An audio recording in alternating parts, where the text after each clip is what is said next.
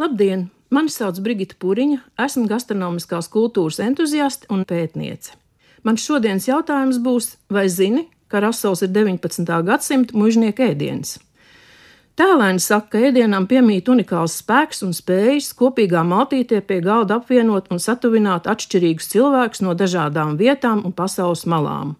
Mūsdienu pētījumi liecina, ka maltītes sagatavošana kopā ar ģimeni uzlabo pat attiecības, bet ar smaidu var teikt, ka latviešiem ir viens ēdiens, kas velk uz kašķi.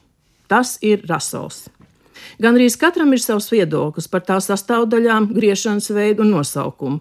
Rasols vai rosols sastāvdaļas jāgriež lielākos vai mazākos kubiciņos, vai pareizi gatavot ar krējumu vai majonēzi, kas tai jāliek klāt, vai jāpievieno zirņi, burkāna, ābolu, biets, siļķis un tā tālāk.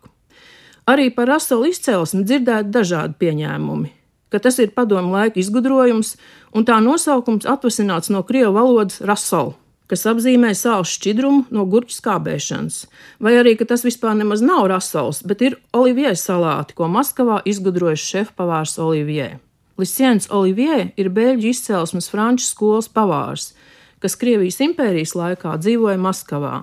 Tur viņam piederēja restorāns Ermitāža, un viņš patiešām esot Olivier salātu izgudrotājs, bet pieejamā informācija liecina, ka recepti viņš turējis noslēpumā, un tā atklātībā nākus tikai pēc viņa nāves un publicēta 1891. gadā.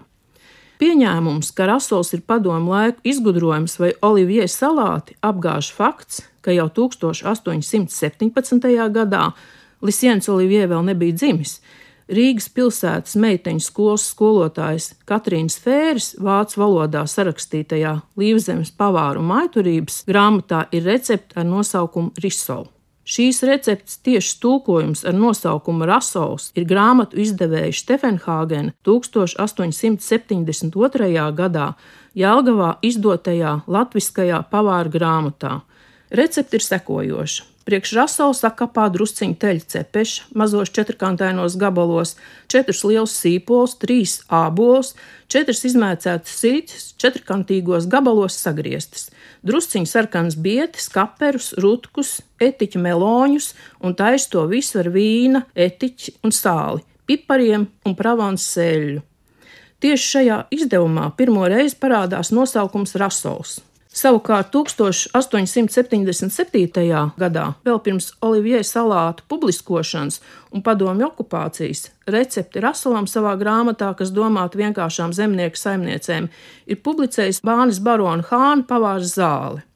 Zāle stāsta, ka rasols ir vienkārši jaukt salāti, labs augsts ēdiens priekš brokastu vai vakariņu galda. Zāle, transformējot rasolu no mužnieku galda uz zemnieku galdu, mēģinājis to padarīt pieejama receptē, ļaujot variēt dažādas sastāvdaļas.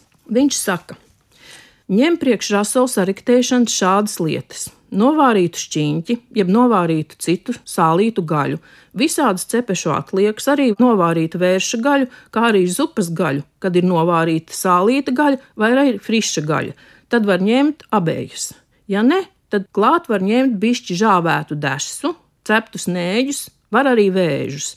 Tad ņem sakņu daļas, novārītus kartupeļus, frišus, jeb skābētus, jeb arī etiķu gurķus, biežus salātus, sēnes, arī kādu ābolu un frišus lapu salātus. Pēdējos mēdz, kad rasols gatavs, ir uz bļodu viņam apkārt likt. Pieminu vēl, ka arī rutki klāt nav smādējami. Tā sariktēšana ir šāda. Ņemi pāri cieti novārītu pautu, tos smalki sakapā un saber bļodā, kuru rosoli domā sariktēt. Tiem pieliek nu klāt vajadzīgo sāli, bišķi smalku piparu, it bišķi cukuru, kādu teikarot sinepju, pieliek tad kortaļa vērts vai mazāk vai vairāk laba skāba krējuma, pieliek, ja ir kādas karotes vērts kaperu, tad kādu pusi jau veselu no asakām skaidri atpucētu un smalki sakapātu siļķi. Un it pāri smalku sakapātu sīpolu, sajauc nu visu labi kopā, nosmeķē skābumu dēļ ar etiķi.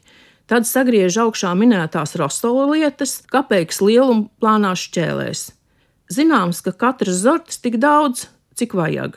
Saliek viņus tad sariktētā zostē, izjauc cauri, saliek ar iekaudzi uz bļodu, apliek, ja ir zaļus salātus apkārt un ceļ priekšā.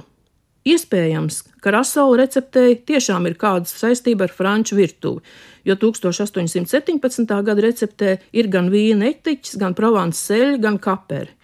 Savukārt zāle rasola receptē piegājas radoši, papildinot gaļas sastāvdaļu klāstu, melons aizstājot ar gurķiem, pievienojot sēņus, svārītus kartupeļus, nēģus, bet provāns seļus vīna etiķa mērķis vietā, pagatavojot mērķis no skāba krējuma, kas sajaukts ar sinepēm, sakapātām olām, sīpoliem un siļķiem, bet eksotiskos kapešus tomēr receptē atstāja.